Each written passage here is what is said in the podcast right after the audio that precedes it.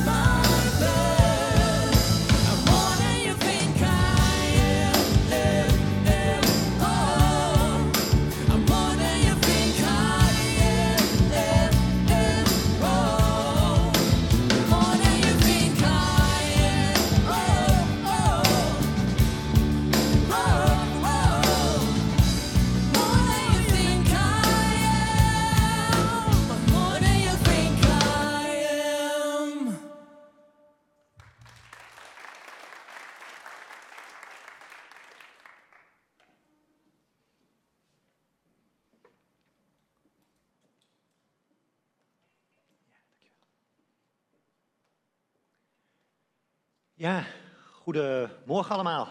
Hier in de zaal, maar ook jullie thuis die nog lekker op bed liggen. Jullie specifiek ook eh, Job en Emilia. Fijn dat jullie ook meekijken, denk ik nu. Ehm, maar fijn om eh, ja, toch jullie mogen te zien. Het was best een, bewogen week deze week. Zeker voor ons als kerkleiding. Hè. Veel over eh, de behandeling en de bestrijding van corona, wat je op, in de media ziet en volgt. En dan zoek je als kerkleiding ook naar een standpunt. Want ja, we kennen natuurlijk best wel een aantal mensen ook in deze kerk die flink ziek zijn geworden door het coronavirus. Als je het hebt gehad, dan weet je dat het ook niet mis is. Maar als kerk zien we ook de neveneffecten. En Wietse zei het al, de media die doet vrij laconiek over de psychische en de geestelijke gevolgen van, eh, ja, van, van de maatregelen. En uit de eerste golf weten we ook hoeveel mensen er gebukt zijn geraakt onder het niet ontmoeten van elkaar. Eenzaamheid, verdriet, een stukje wanhoop. En de gevolgen van het niet elkaar ontmoeten, dat, dat mogen we niet onderschatten. En juist als kerk, juist als kerk willen we ook hierin onze verantwoordelijkheid nemen. En zeker in een week waarin de angst voor eh, ja, een lockdown en de angst voor verdere coronamaatregelen en daar weer de gevolgen van opbloeit. Juist in, in zo'n week dan, ja, dan, dan kunnen wij gewoon niet de deur van de kerk dicht doen. Dat druist zo in tegen ja, waar wij voor staan en waar, wij voor mogen zijn. Juist, van, juist als kerk zijn we overtuigd om een boodschap te mogen brengen van, van verlichting, van hoop. En een boodschap die gaat over de diepste fundamenten van het leven. Daarom is ons standpunt dat we gewoon volop ons best doen voor een hele mooie livestream ervaring te geven. Maar we doen de deur niet op slot. We doen de deur niet op slot. En we willen mensen, we willen er zijn voor de mensen die op zoek zijn naar, naar verbondenheid. We willen er zijn voor mensen, zoals we het ook in het eerste lied zongen, die op zoek zijn naar, naar rust, naar vrede, naar blijdschap in het leven. En we willen op die manier ook delen wat we zelf hebben mogen ontvangen en zelf hebben mogen ontdekken. En wij weten dat ons leven dat positief heeft veranderd. En ja, dat gunnen we ook aan jullie, ook als je thuis meekijkt. Dat gunnen we aan ons allen, gunnen we aan iedereen. We zijn bezig met een uh, themaserie. Oh ja, het was ooit het idee dat die van ongeveer vijf, uh, vijf keer zou bestaan, maar vandaag alweer de tiende keer van allemaal vragen die we van jullie hebben ontvangen. En uh, we dachten we stoppen na vijf keer, maar er waren zoveel goede vragen bij dat we de zesde keer zijn gegaan, zevende keer, achtste keer, nee, nu alweer de tiende keer. En vandaag ga ik vijf vragen beantwoorden met allemaal iets van eenzelfde soort ondertoon. Ik ga ze even achter elkaar voorlezen. Eerste vraag. En waarom is het zo moeilijk om aan je eigen goede voornemens te houden? Waarom ben ik altijd zo moe? Na mijn bewuste keuze voor Jezus is er bij mij niks veranderd qua zonde, angst, spijt, schuldgevoel en door de verslavende van een specifieke zonde. Ik hoopte op een verandering, maar het lukte maar niet. Ik zit hier 24-7 mee en ik hoop ontzettend dat deze vraag van mij beantwoord gaat worden, want dat zou geweldig zijn. Want ik weet het zelf niet te fixen. Ook bidden en Bijbel lezen vind ik opgave. En het lukt amper. Hoe, hoe kan je zorgen dat God meer invloed in je leven krijgt? De laatste vraag. Waarom is het zo moeilijk om Jezus te volgen, ook voor christenen, die toch kunnen weten hoe heilzaam dat voor hen zou zijn? Er is vijf, vijf verschillende vragen die jullie hebben gesteld. Allemaal een beetje met eenzelfde soort ondertoon. Hey, ik, ik wil wel, maar het lukt niet. Vijf verschillende vragen. Ik, heb, ik heb goede voornemens, maar die werken niet. Of ik hoor jullie praten over vrede en rust en zo, maar waarom ben ik altijd zo moe? Nu heb ik een keuze gemaakt. Die, die persoon zei dat hij zelfs gedoopt was. Maar er is niets veranderd. Ik heb nog steeds last van angst en spijt en schuldgevoelens. Wat doe ik toch verkeerd? En waarom merk ik zo weinig van Gods invloed in mijn leven? Ik weet wel hoe het hoort, maar waarom is het zo moeilijk? Ik weet niet wie deze vragen hebben gesteld. Ik zie alleen de kaartjes of ik zie alleen een paar teksten. Ik heb ze op mijn manier uitgelegd, maar ik proef wel duidelijk dat daar een ondertoon in zit van ontevredenheid. En, en dan hoor ik een stemmetje zeggen van ja, en jullie in de basis, en jullie beloven altijd maar dat het, ja, dat het als je gaat geloven, dat het, ja, dat het, dat het, dat het mooie gevolgen heeft. Maar het werkt niet. Het werkt niet bij mij. En daar wil ik het vanmorgen met jullie over gaan hebben. De eerste vraag die ik wil beantwoorden is van, ja, wat, wat werkte dan niet? Dat zou ik natuurlijk aan de vraagstellers moeten gaan, gaan stellen. En zoals ik zei, ik weet niet wie ze zijn, maar ik ben er maar van uitgegaan dat ik, een, uh, ja, dat ik vermoed wat ze bedoelen. Maar voordat ik daar iets dieper op inga, wil ik wel een compliment geven aan deze vragenstellers. Want Hè, tussen, de, tussen de regels door proef je wel heel duidelijk een verlangen. Een verlangen om, eh, om te geloven, om het zo maar te zeggen. En ergens proef ik ook een stukje ontevredenheid over het leven. En ik proef een verlangen naar tevredenheid. Naar vrede, naar rust, naar blijdschap, diep van binnen. En die vraag stellen met die goede voornemens, die, ja, die heeft blijkbaar een gewoonte waar die vanaf wilt. Of de vraag stellen die vermoeid is, die is altijd maar druk, druk, druk. Of de, de vraag stellen met angst en spijt en schuldgevoel, die gaat maar gebukt over, over een stukje uit zijn verleden of uit haar verleden. En de vraag stellen die meer invloed wil van God, die heeft blijkbaar last van negatieve invloeden. En de vraag stellen die wel weet wat goed zou zijn, ja, die ervaart toch de praktijk zo heel anders.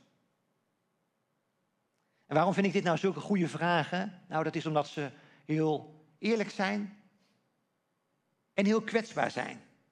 En ik denk ook dat deze vragen niet alleen bij deze vraagstellers leven, maar ook bij heel veel andere mensen. Want je hebt best wel een bepaald idee en ook wel een bepaald verlangen naar een positieve verandering in je leven.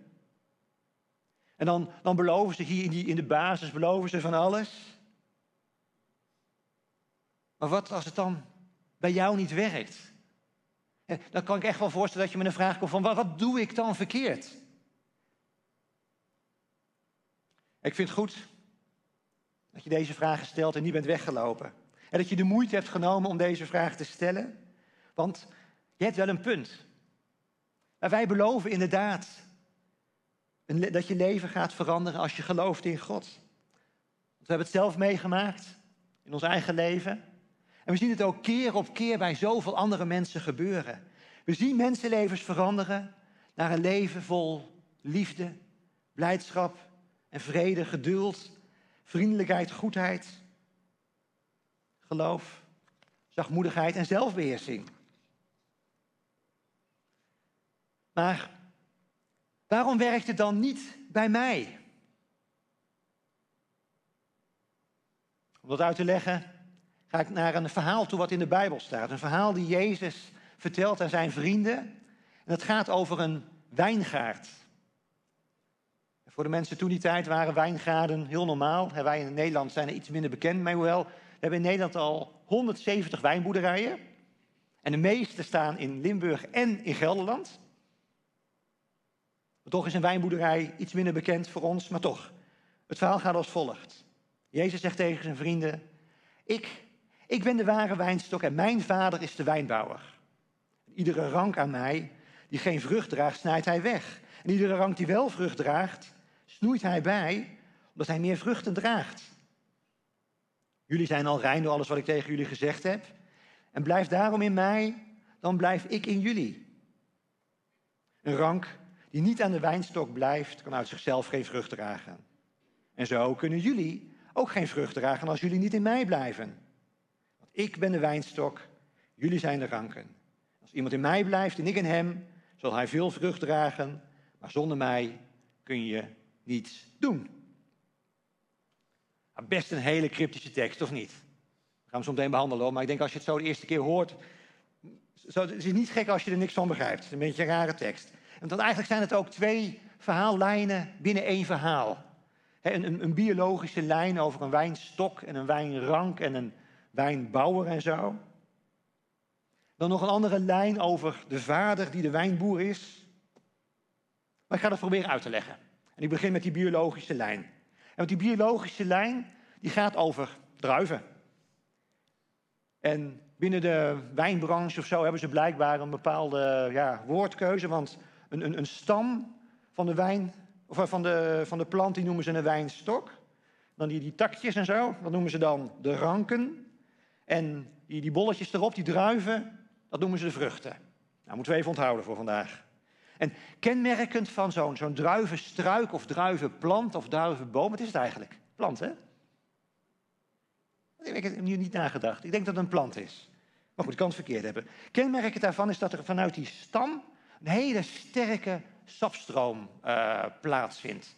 Die sapstroom die gaat zo naar boven, dan gaat hij naar die takjes toe. En dan komen dan van die druifjes en blaadjes aan en zo.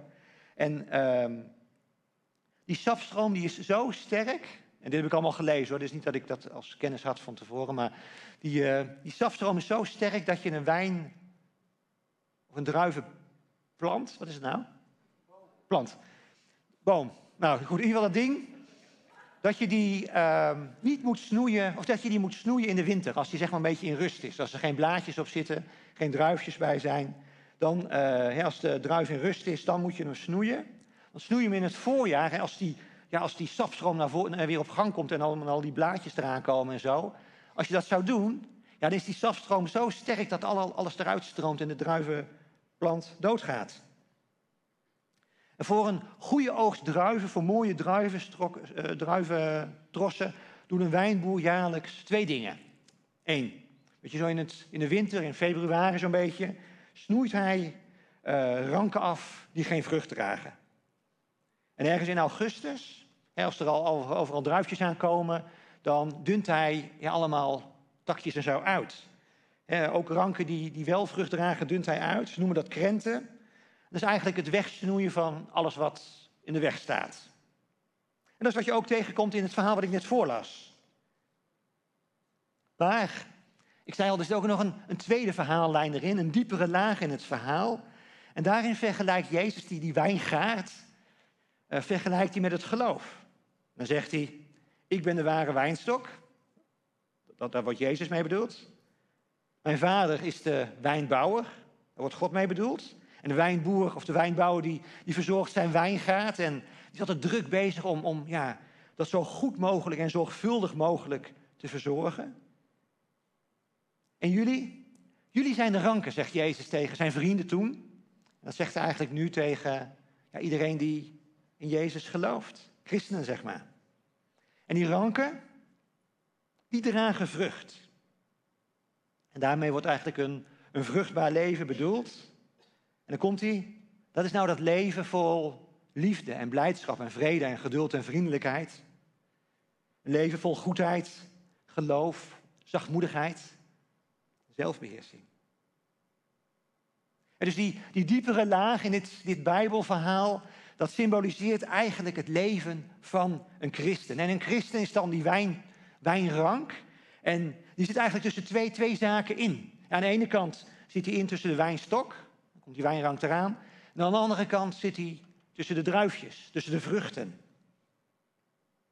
En je zou ook eigenlijk kunnen zeggen dat, dat zeg maar, aan de ene kant heeft een christen input, aan de andere kant heeft een christen output. En zo staat het eigenlijk ook in het verhaal. Een rank die niet aan de wijnstok blijft, dat takje wat niet aan die stam zit, kan uit zichzelf geen vrucht dragen. Nou, dat is logisch, als zo'n takje afbreekt, is het dood. En zo kunnen jullie geen vrucht dragen als jullie niet in mij blijven. Ik ben de wijnstok, jullie zijn de ranken. En als iemand in mij blijft en ik in hem, zal hij veel vrucht dragen, maar zonder mij kun je niets doen. Dus hier staat eigenlijk, zonder input is er geen output. En eigenlijk, eigenlijk is het ook wel een beetje antwoord op de vraag voor vandaag. En waarom werkt het niet bij mij, zij- zeiden de vraagstellers. Het antwoord is, zonder input is er geen output. En wat ik, wat ik zo tussen die, die vijf eh, vragen lees, en tussen, een beetje tussen de regels door proef, is, ja, ik, ik doe mijn best met goede voornemens. Ik, ik doe mijn best om niet alsmaar druk te zijn. Ik, ik doe en ik weet precies zoals het hoort. En ik doe alles wat hoort als christen. Ik heb gebeden en zelfs in de Bijbel gelezen. Het werkt niet. Het werkt niet bij mij. Ik doe wel mijn best, maar ik voel geen vrede. Ik voel geen rust. Ik voel geen blijdschap in mijn hart. Waar jullie het altijd over hebben. Waarom werkt het toch niet bij mij? Het antwoord is, zonder input is er geen output.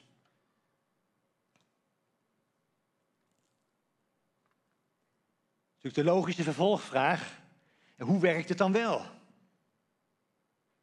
En hoe begin je een leven waar je wel die vrede en die rust en die blijdschap in het leven kunt ervaren waar jullie het zo vaak over hebben.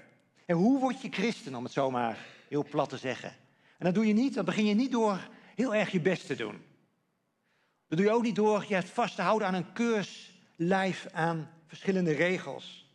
Het, het gaat er in het beginsel niet om wat je doet, maar het gaat eigenlijk om, om je innerlijk.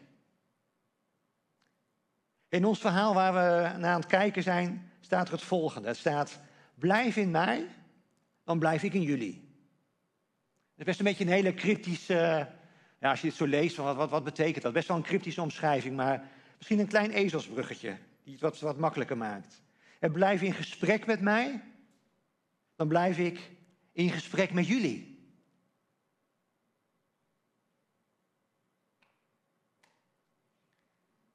En, dit is denk ik de sleutel voor het christelijk geloof. Dit is de sleutel voor een christelijk leven. In gesprek zijn met God. Praten met God. En niet op eigen houtje proberen alles te doen, maar bereid zijn om afhankelijk te zijn van God. En als je dat leert, je dat probeert, als je daarmee begint, en dan beloof ik, en dan gaat er wat wonderlijks gebeuren in jouw leven. Of eigenlijk, eigenlijk is het iets meer ook dan een gesprek. Eigenlijk staat er ook in een ander gedeelte in de Bijbel, er staat, laat onder jou de gezindheid heersen die Jezus, Jezus had. En gezindheid betekent zoiets van uh, helemaal vol zijn van.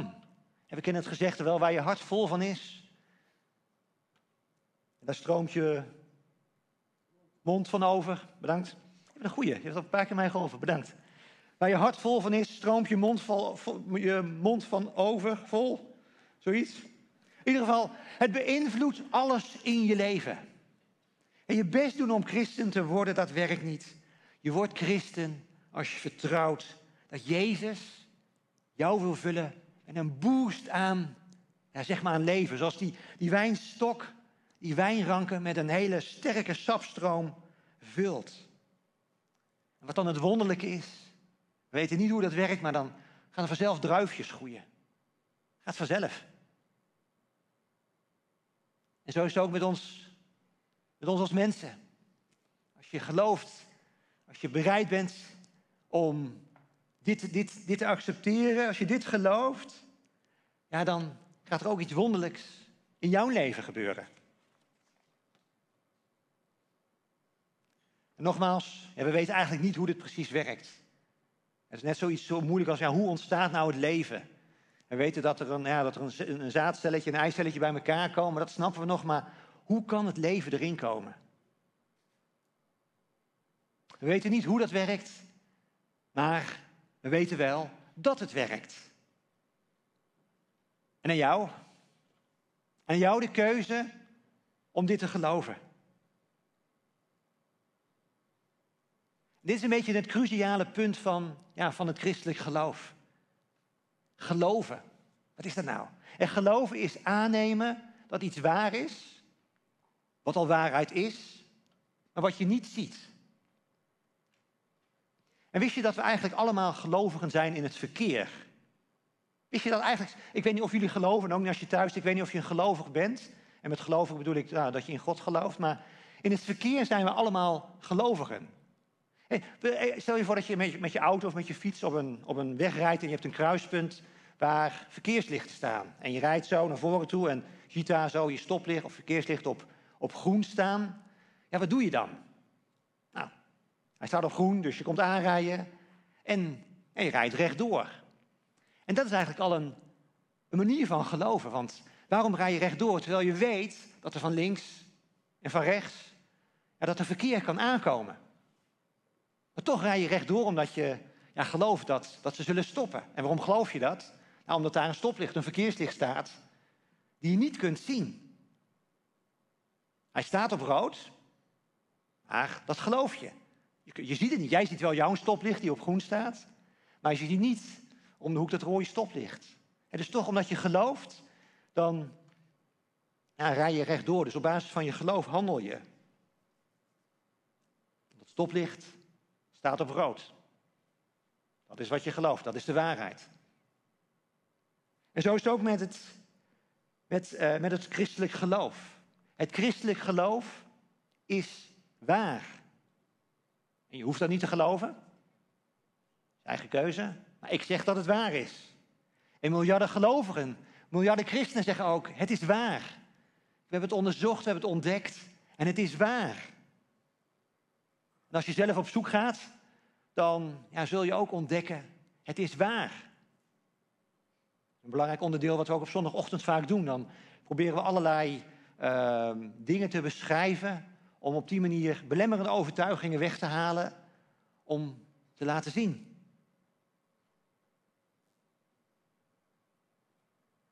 Maar zoals ik al zei, je best doen om christen te worden, dat werkt niet.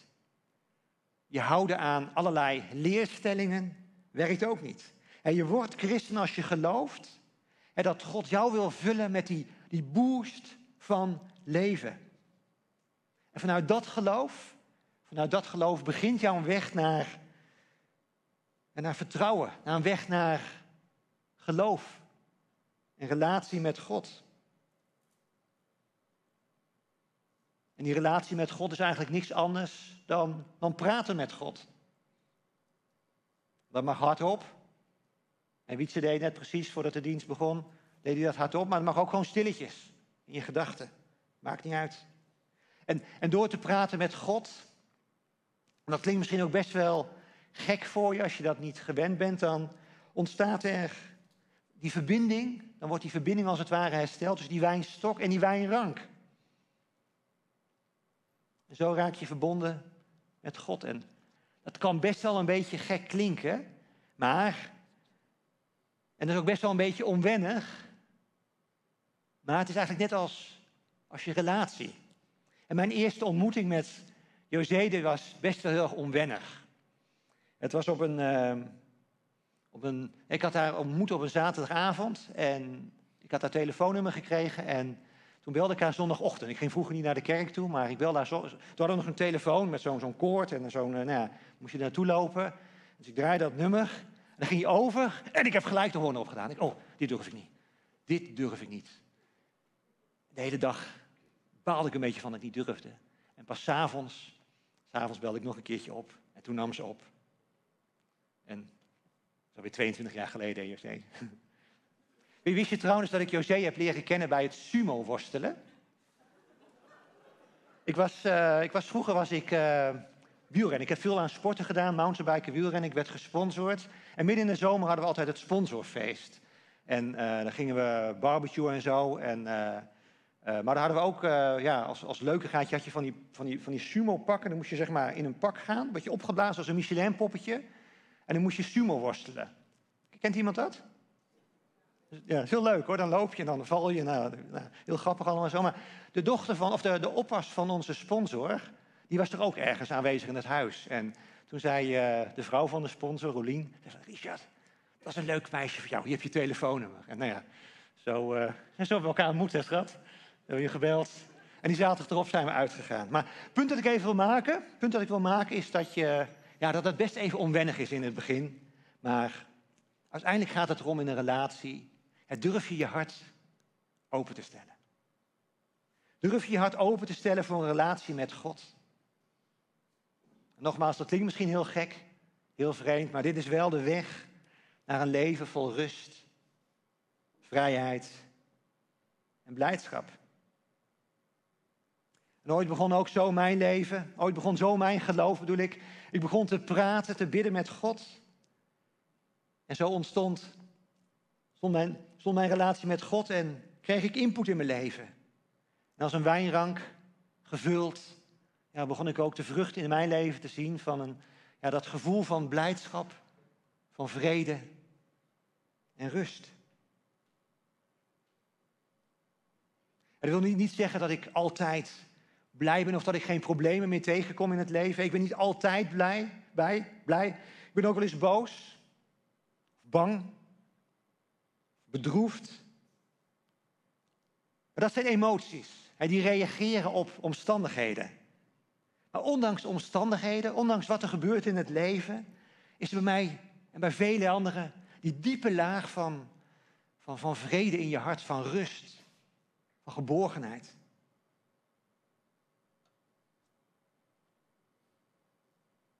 En dat is het antwoord op de vraag van vanochtend.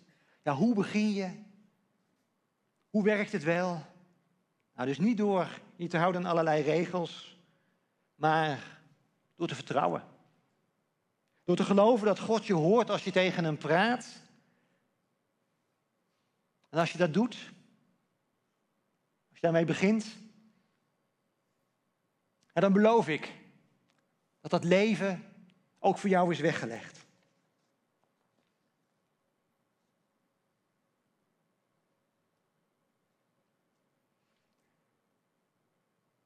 Toch, toch kan het zijn dat je dit doet en toch niet die rust en die vrede en die blijdschap ervaart. En daar wil ik tot slot over hebben. Want ik heb namelijk toch nog even een zinnetje uit het verhaal nog niet uitgelicht. Maar er staat ook nog dat de wijnboer zegt: Iedere rank aan mij die geen vrucht draagt, snijdt hij weg. En iedere rank die wel vrucht draagt, snoeit hij bij. Dat het meer, meer vruchten draagt. Er kunnen zaken zijn die het, ja, die het leven van die uh, druivenplant beïnvloedt. Er kunnen blaadjes zijn die het zonlicht belemmeren voor naar de druif toe. En er wordt een druiftakje weggesnoeid. Overtollige bladeren worden weggesnoeid. Maar ook druiventrossen worden uitgedund. Zodat de overgebleven druiven meer, ja, dat die meer voeding kunnen krijgen. Zo, zo is het ook met jouw leven. Zo kan het ook met jouw leven staan, zijn. Er kunnen dingen in de weg staan die jouw groei belemmeren. En misschien heb je last van boosheid. Hè? Misschien is jou wat onrechtvaardigs overkomen. Heb je last van boosheid? Of misschien heb je last van schuldgevoelens omdat je zelf iets hebt gedaan. Misschien heb je een karakter wat zich kenmerkt door ondankbaarheid of door. Ben je vol van kritiek, met zelfbeklag of ben je heel onverschillig?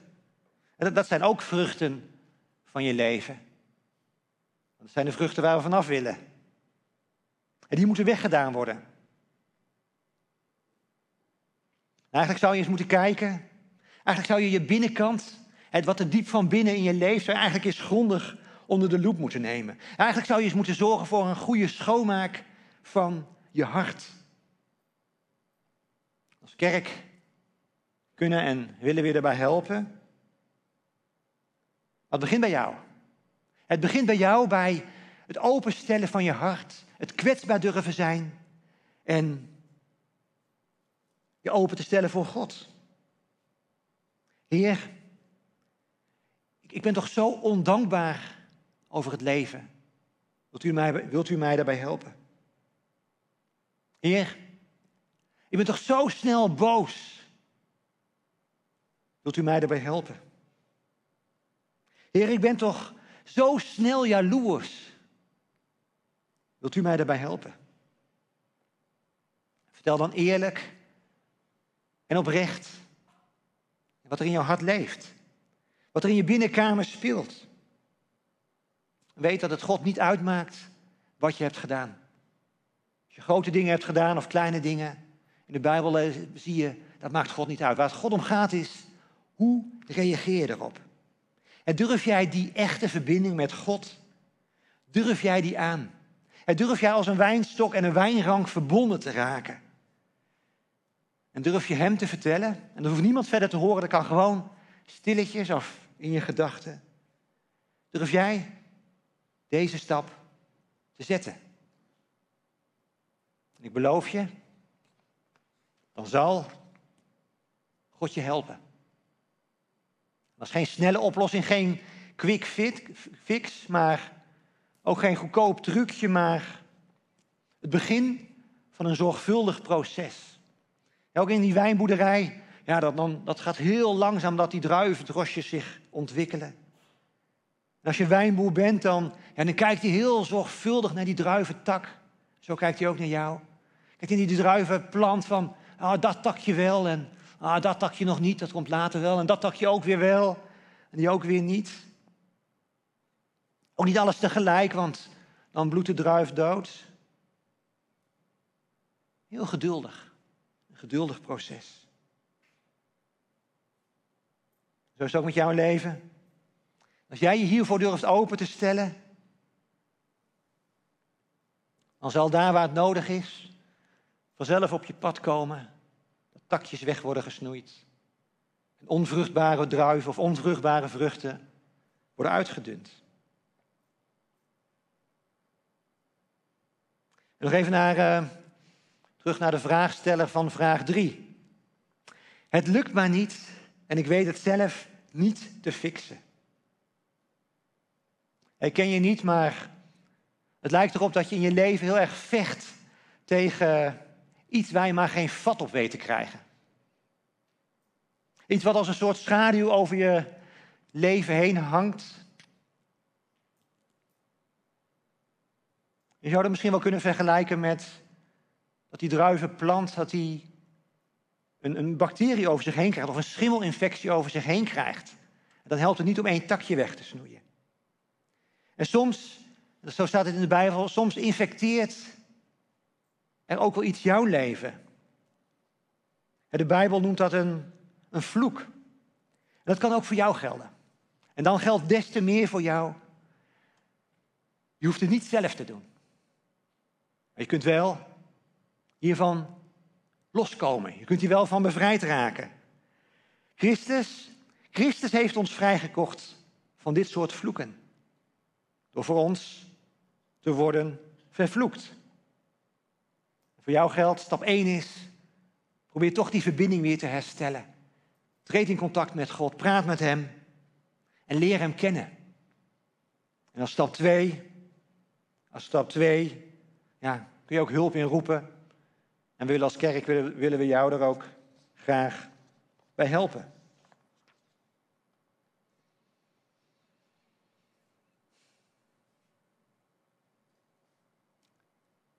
Ik ga toe naar een afronding.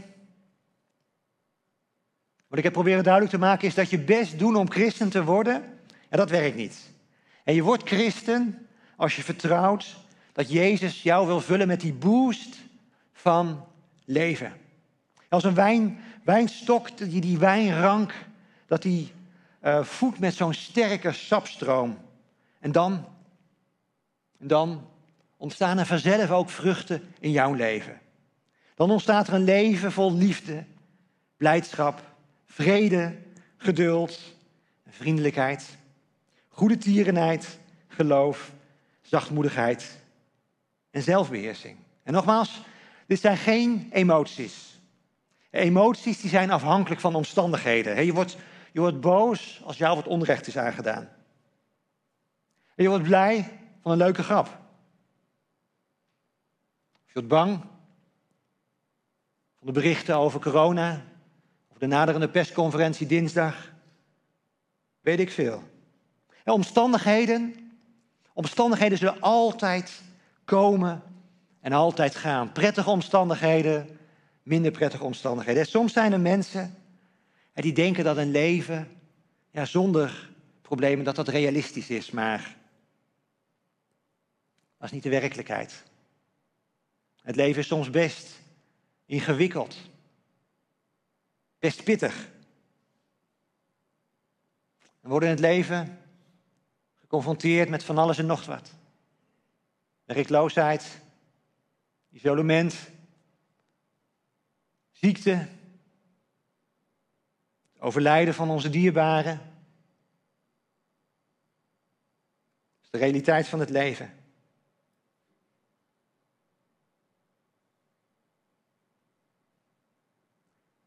Ondanks dat, ondanks dat, is toch een vrucht in je leven mogelijk.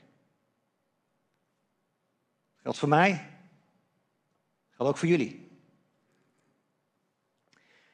Ondanks de omstandigheden is er een leven mogelijk dat je toch dat diepe gevoel of dat diepe laag van vrucht in je leven ziet van, van blijdschap, van rust en van vrede. En dat is het kenmerk van een christen. Verbonden is met de wijnstok.